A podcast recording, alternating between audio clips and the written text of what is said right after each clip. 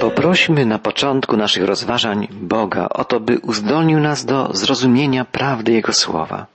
Pomódlmy się słowami bardzo krótkiej, ale głębokiej biblijnej modlitwy. Ojcze, poświęć nas w prawdzie Twojej. Słowo Twoje jest prawdą. Amen. Chrystus ponad wszystkim. To prawda, którą objawia nam Bóg w słowach zapisanych w drugim rozdziale listu do Hebrajczyków. Czytamy tu w wierszu piątym Nie aniołom oddał Bóg we władanie świat przyszłości, o którym mówimy. Mowa jest tu o przyszłym świecie. Świecie podporządkowanym Chrystusowi. Autor listu podkreśla, Bóg Ojciec oddał świat przyszłości we władanie swemu Synowi. Cały świat będzie podlegał Jezusowi, gdy przyjdzie On na ziemię po raz drugi. Gdy urodził się jako bezbronne dziecię w Betlejem, dostrzegło go niewielu, ale gdy przyjdzie po raz drugi, ujrzy go każde oko i ugnie się przed nim każde kolano. Każdy język wyzna, że Jezus jest Panem. Początkowy fragment listu do Hebrajczyków ukazuje absolutną wyższość Chrystusa nad aniołami. I teraz jeszcze raz autor listu podkreśla, że przyszły świat będzie poddany nie aniołom, lecz Chrystusowi. Jednak aniołowie będą odgrywali przy powtórnym przyjściu Chrystusa ważną rolę. Sam Jezus, mówiąc o końcu świata, zapowiedział Wtedy ukaże się na niebie znak Syna Człowieczego i wtedy biadać będą wszystkie plemiona ziemi i ujrzą Syna Człowieczego przychodzącego na obłokach nieba z wielką mocą i chwałą i pośle swoich aniołów, którzy donośnie zatrąbią, aby zgromadzić wybranych Jego z czterech stron świata. W księdze Apokalipsy znajdujemy obraz aniołów gromadzących się wokół tronu Bożego w niebie, składających świadectwo mocy i chwały Syna Bożego. Aniołowie śpiewają pieśń Godzien jest ten baranek, zabity, wziąć moc i bogactwo, i mądrość, i siłę, i cześć, i chwałę, i błogosławieństwo. Aniołowie znają Boży plan, Bożą wolę i wychwalają Syna Bożego, zwycięskiego Zbawiciela. Aniołowie poprzez wieki zwiastują wolę Boga i wychwalają tylko Boga, nigdy siebie. Biblia naucza, że działają też jednak zbuntowani aniołowie. Demony zajęte są opanowywaniem ziemi dla swego mistrza szatana. Nawet Jezus nazwał go władcą tego świata. Wiele razy w przeszłości opisanej w Biblii i nawet współcześnie aniołowie i demony znajdują się w stanie wojny. Niektóre wydarzenia naszych czasów mogą być włączone do tej niewidzialnej walki. Nie mamy wątpliwości co do tego, kto ostatecznie zatriumfuje. Jezus zapewnia nas wielokrotnie, że On i Jego aniołowie będą zwycięzcami. Na przykład w Ewangelii Mateusza w rozdziale 25 czytamy A gdy przyjdzie Syn Człowieczy w chwale swojej i wszyscy aniołowie z Nim, wtedy zasiądzie na tronie swej chwały.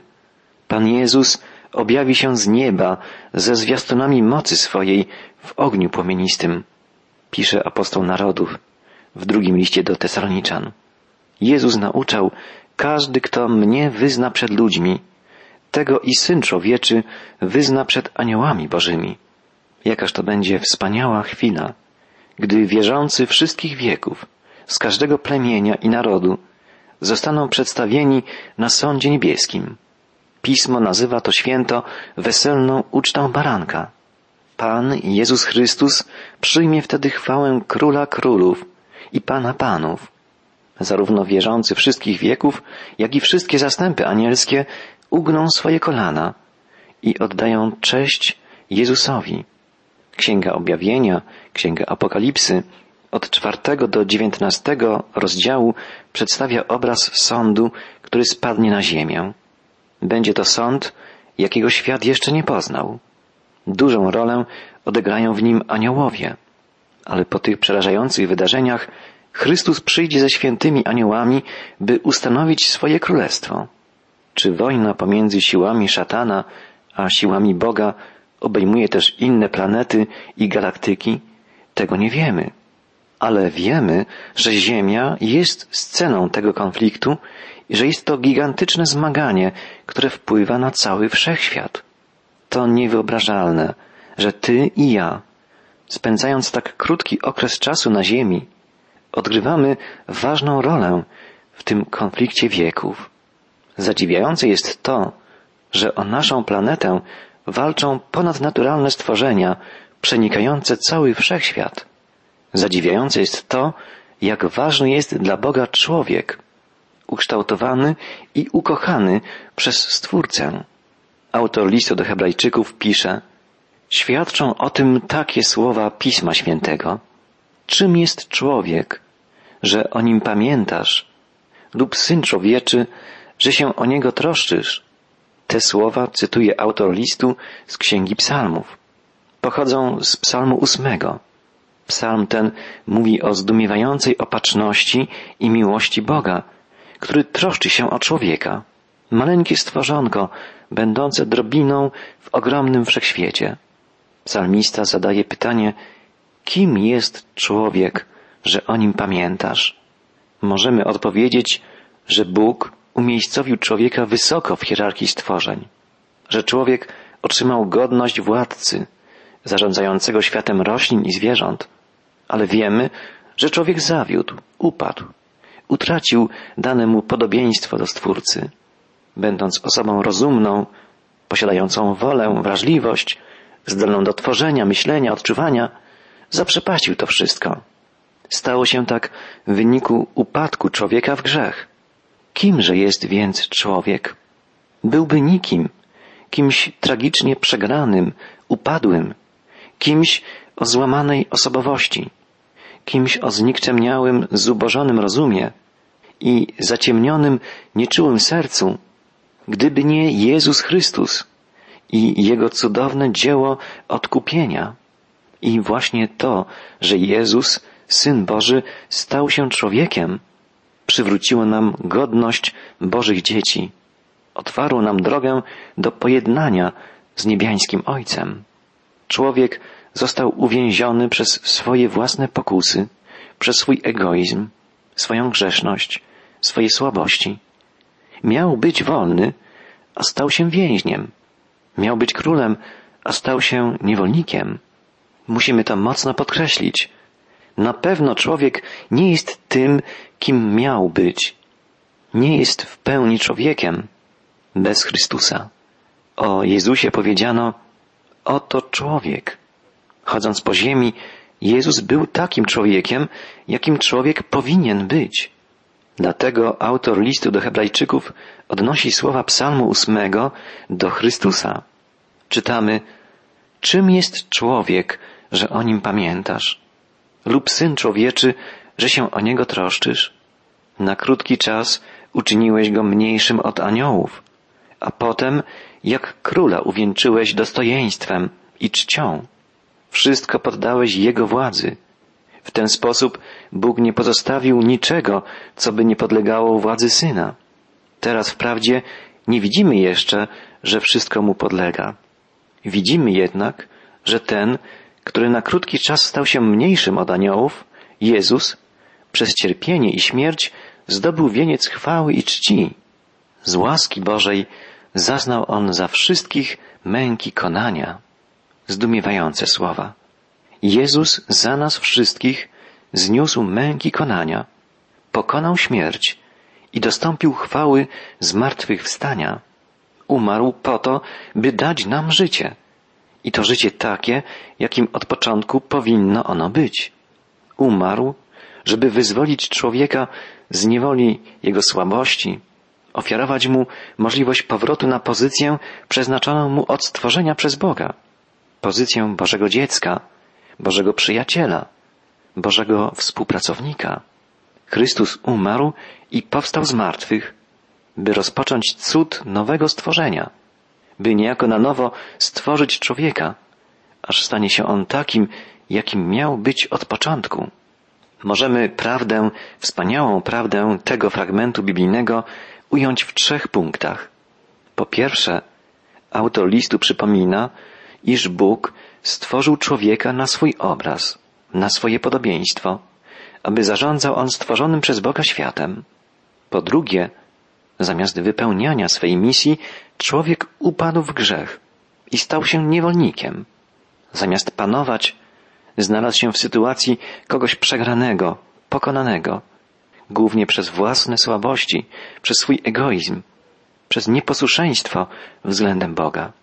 I po trzecie, w całą tę sytuację wkroczył Jezus Chrystus. Poprzez swoje życie, śmierć i powstanie z martwych zmienił stan klęski w chwałę zwycięstwa. Teraz człowiek na nowo może być dzieckiem Boga. Może być w pełni człowiekiem, pojednanym z Bogiem, wykonującym zadania, do których Bóg go powołał. Te same myśli możemy ująć jeszcze inaczej. Widzimy najpierw ideał człowieka, człowieka ukazanego w Księdze Rodzaju, a także w psalmach i tutaj w liście do Hebrajczyków, jako zarządzającego stworzonym przez Boga światem.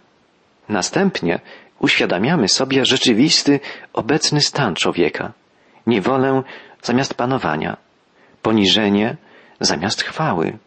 I w końcu autor listu wskazuje nam, jak dzięki Chrystusowi aktualny stan człowieka może zostać zamieniony na stan idealny, zamierzony od początku przez Boga. W Chrystusie widzimy tego, który przez swoje cierpienie i uwielbienie może uczynić człowieka takim, jakim ma on być, a jakim bez niego nigdy się nie stanie. Teraz wprawdzie nie widzimy jeszcze, że wszystko mu podlega. Widzimy jednak, że ten, który na krótki czas stał się mniejszym od aniołów, Jezus, przez cierpienie i śmierć zdobył wieniec chwały i czci. Z łaski Bożej zaznał on za wszystkich męki konania. I dalej czytamy, było to potrzebne, aby Bóg, od którego wszystko pochodzi i dzięki któremu wszystko istnieje, urzeczywistnił swój cel przez cierpienie Jezusa. Jezus bowiem, dawca zbawienia, doprowadził wielu ludzi do wiekuistej świętości. Syn, który uświęca i synowie, którzy dostępują uświęcenia, wszyscy mają jednego Ojca. Dlatego Syn nie wstydzi się nazwać ich braćmi, gdy tak mówi, oznajmię Twoje imię moim braciom. Będę Cię wielbił we wspólnocie wiernych. Mówi też, całą nadzieję pokładam w Tobie. I dalej, spójrz, to ja i dzieci, które dał mi Bóg. Dzieci są złączone wspólnotą ciała i krwi. I Jezus także ma udział w tej wspólnocie, aby przez swoją śmierć pokonać tego, który nakłada pęta śmierci, to jest diabła, a także uwolnić od lęku przed śmiercią tych, którzy całe życie byli w jej niewoli. To niesamowite, wspaniałe słowa. Jezus, stając się człowiekiem, został pierwszym człowiekiem, który pokonał śmierć. Poprzez cierpienie doszedł do chwały. Powstał z martwych, wstąpił do nieba i chce pociągnąć za sobą wszystkich, którzy pójdą w jego ślady. Nazywa wszystkich wierzących swoimi braćmi. Mówi o nich, to ja i dzieci, które dał mi Bóg. Czytaliśmy też syn, który uświęca i synowie, którzy dostępują uświęcenia. Wszyscy mają jednego ojca. Dlatego syn nie wstydzi się nazwać ich braćmi. Tu zawarta jest wspaniała prawda, że możemy być przyjęci do Bożej rodziny, że możemy zostać usynowieni, zaadoptowani przez Boga jako Jego dzieci dzięki Jezusowi, dzięki temu, że On, jedyny syn niebiańskiego Ojca, oddał za nas życie i traktuje nas jak braci. Więcej, powstał z martwych, zniweczył moc śmierci i otwarł nam drogę do wiecznego królestwa. Autor listu określa Jezusa niezwykłym słowem archegos, oznaczającym w języku greckim kogoś, kto coś zaczyna, by inni mogli pójść w jego ślady. Słowo archegos opisuje najczęściej pioniera, wodza. I tak właśnie określa Jezusa oryginalny tekst listu. Dosłownie nazywa autor listu Jezusa pionierem chwały, czyli kimś, kto toruje drogę ku chwale, ku wieczności. Słowem archegos Grecy określali też kogoś, kto zakłada rodzinę, żeby po pewnym czasie ktoś mógł się w niej narodzić. Albo kogoś, kto zakłada miasto, żeby ktoś mógł w nim zamieszkać. Oznaczać też może to słowo kogoś, kto jest źródłem błogosławieństwa, z którego mogą korzystać inni. Wszystkie te znaczenia słowa archegos doskonale pasują do osoby i dzieła Jezusa Chrystusa. Dla oddania zawartej w tekście biblijnym myśli możemy jeszcze użyć pewnego przykładu. Wyobraźmy sobie, że statek wpada na skały i jedynym sposobem uratowania załogi jest przeciągnięcie liny pomiędzy tonącym statkiem a brzegiem. Ten, kto pierwszy dopłynie do brzegu i przeciągnie linę, dzięki której członkowie załogi będą mogli dotrzeć w bezpieczne miejsce, będzie nazwany archegos, czyli pionierem, wodzem, ratującym innych, przynoszącym wybawienie. To właśnie ma na myśli autor listu, nazywając Jezusa archegos zbawienia, czyli wodzem, pionierem zbawienia. Tego samego słowa użył apostoł Piotr w czasie swego kazania w świątyni jerozolimskiej, krótko po zesłaniu Ducha Świętego i narodzinach Kościoła Chrystusa. Piotr powiedział zgromadzonym w Jerozolimie Żydom, zaparliście się świętego i sprawiedliwego i zabiliście sprawcę życia, pioniera, wodza życia, którego Bóg wzbudził z martwych, czego my świadkami jesteśmy. Drogi przyjacielu, i my dzisiaj jesteśmy świadkami zmartwychwstałego Chrystusa. On, jako pierwszy, powstał z martwych, by utorować drogę nam, Jego uczniom, Jego braciom. W liście do Rzymian apostoł narodów napisał, jeśli duch tego, który Jezusa wzbudził z martwych, mieszka w was, wtedy ten, który Jezusa Chrystusa z martwych wzbudził, ożywi i wasze śmiertelne ciała przez ducha swego, który mieszka w was. Jest to wspaniała obietnica. Jezus utorował nam drogę do wieczności. Jest naszym wodzem. Jest pionierem zmartwychwstania. I jeśli mu wierzymy, ufamy, nie musimy się lękać nawet śmierci. Autor listu do Hebrajczyków pisze dalej, odwołując się do obrazu wierzących w Chrystusa jako rodziny. Dzieci są złączone wspólnotą ciała i krwi. I Jezus także ma udział w tej wspólnocie, aby przez swoją śmierć pokonać tego, który nakłada pęta śmierci, to jest diabła, a także by uwolnić od lęku przed śmiercią tych, którzy całe życie byli w jej niewoli. Właśnie poprzez to, że Jezus stał się człowiekiem i umarł śmiercią męczeńską, a potem triumfalnie powstał z martwych, przełamuje nasz lęk przed śmiercią i kieruje nasz wzrok ku wieczności. My, grzeszni, śmiertelni ludzie, nie możemy uniknąć fizycznej śmierci, ale dzięki temu, że Jezus stał się człowiekiem, jednym z nas i umarł jako człowiek, płacąc karę za nasze grzechy, za nasze grzechy, bo sam był doskonały. Dzięki temu jedynie dzięki temu możemy dostąpić zbawienia. Tylko On jest w stanie uwolnić od lęku przed śmiercią tych, którzy całe życie byli w jej niewoli. Dalej czytamy, istotnie, Syn nie przychodzi z pomocą aniołom, lecz potomkom Abrahama. Jezus na krótko stał się niższym od aniołów.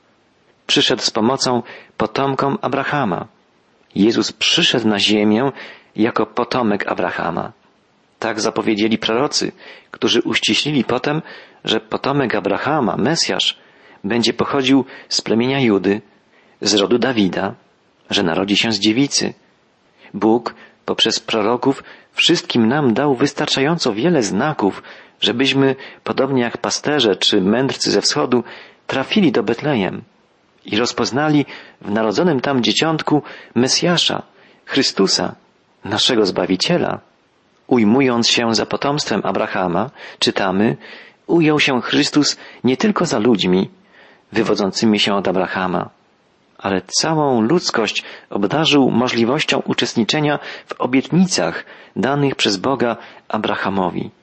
I my jesteśmy spadkobiercami wspaniałych obietnic Boga, danych wszystkim wierzącym. Czytamy na koniec. Dlatego musiał pod każdym względem upodobnić się do ludzi, swoich braci i zostać miłosiernym i wiernym arcykapłanem, by przebogać Boga za grzechy całego ludu, ponieważ Jezus sam był narażony na pokusy i znosił cierpienie. Może On pomóc tym ludziom, którzy również narażeni są na pokusy, poprzez upodobnienie się pod każdym względem do ludzi, poprzez cierpienie wynikłe z wcielenia, Jezus mógł stać się naszym arcykapłanem. Kim jest arcykapłan? Jest pośrednikiem pomiędzy nami a świętym Bogiem, kapłanem zdolnym dokonać przebłagania za grzechy całego ludu. Dlaczego tak się stało? Przez cierpienie naprawdę Jezus utożsamił się z ludźmi. Na dowód tego autor listu przytacza trzy starotestamentowe teksty. Cytuje psalmy i proroctwa Izajasza. Gdyby Jezus przyszedł na ten świat w takiej postaci, że nie mógłby cierpieć, na pewno różniłby się od ludzi i dlatego nie mógłby być ich zbawicielem. Dokonując zbawienia ludzi, Bóg uczynił to w jedyny sposób. Stał się człowiekiem. To utożsamienie się z ludźmi jest istotą chrześcijańskiego poselstwa. Poganie z bogami łączyli pojęcie oderwania.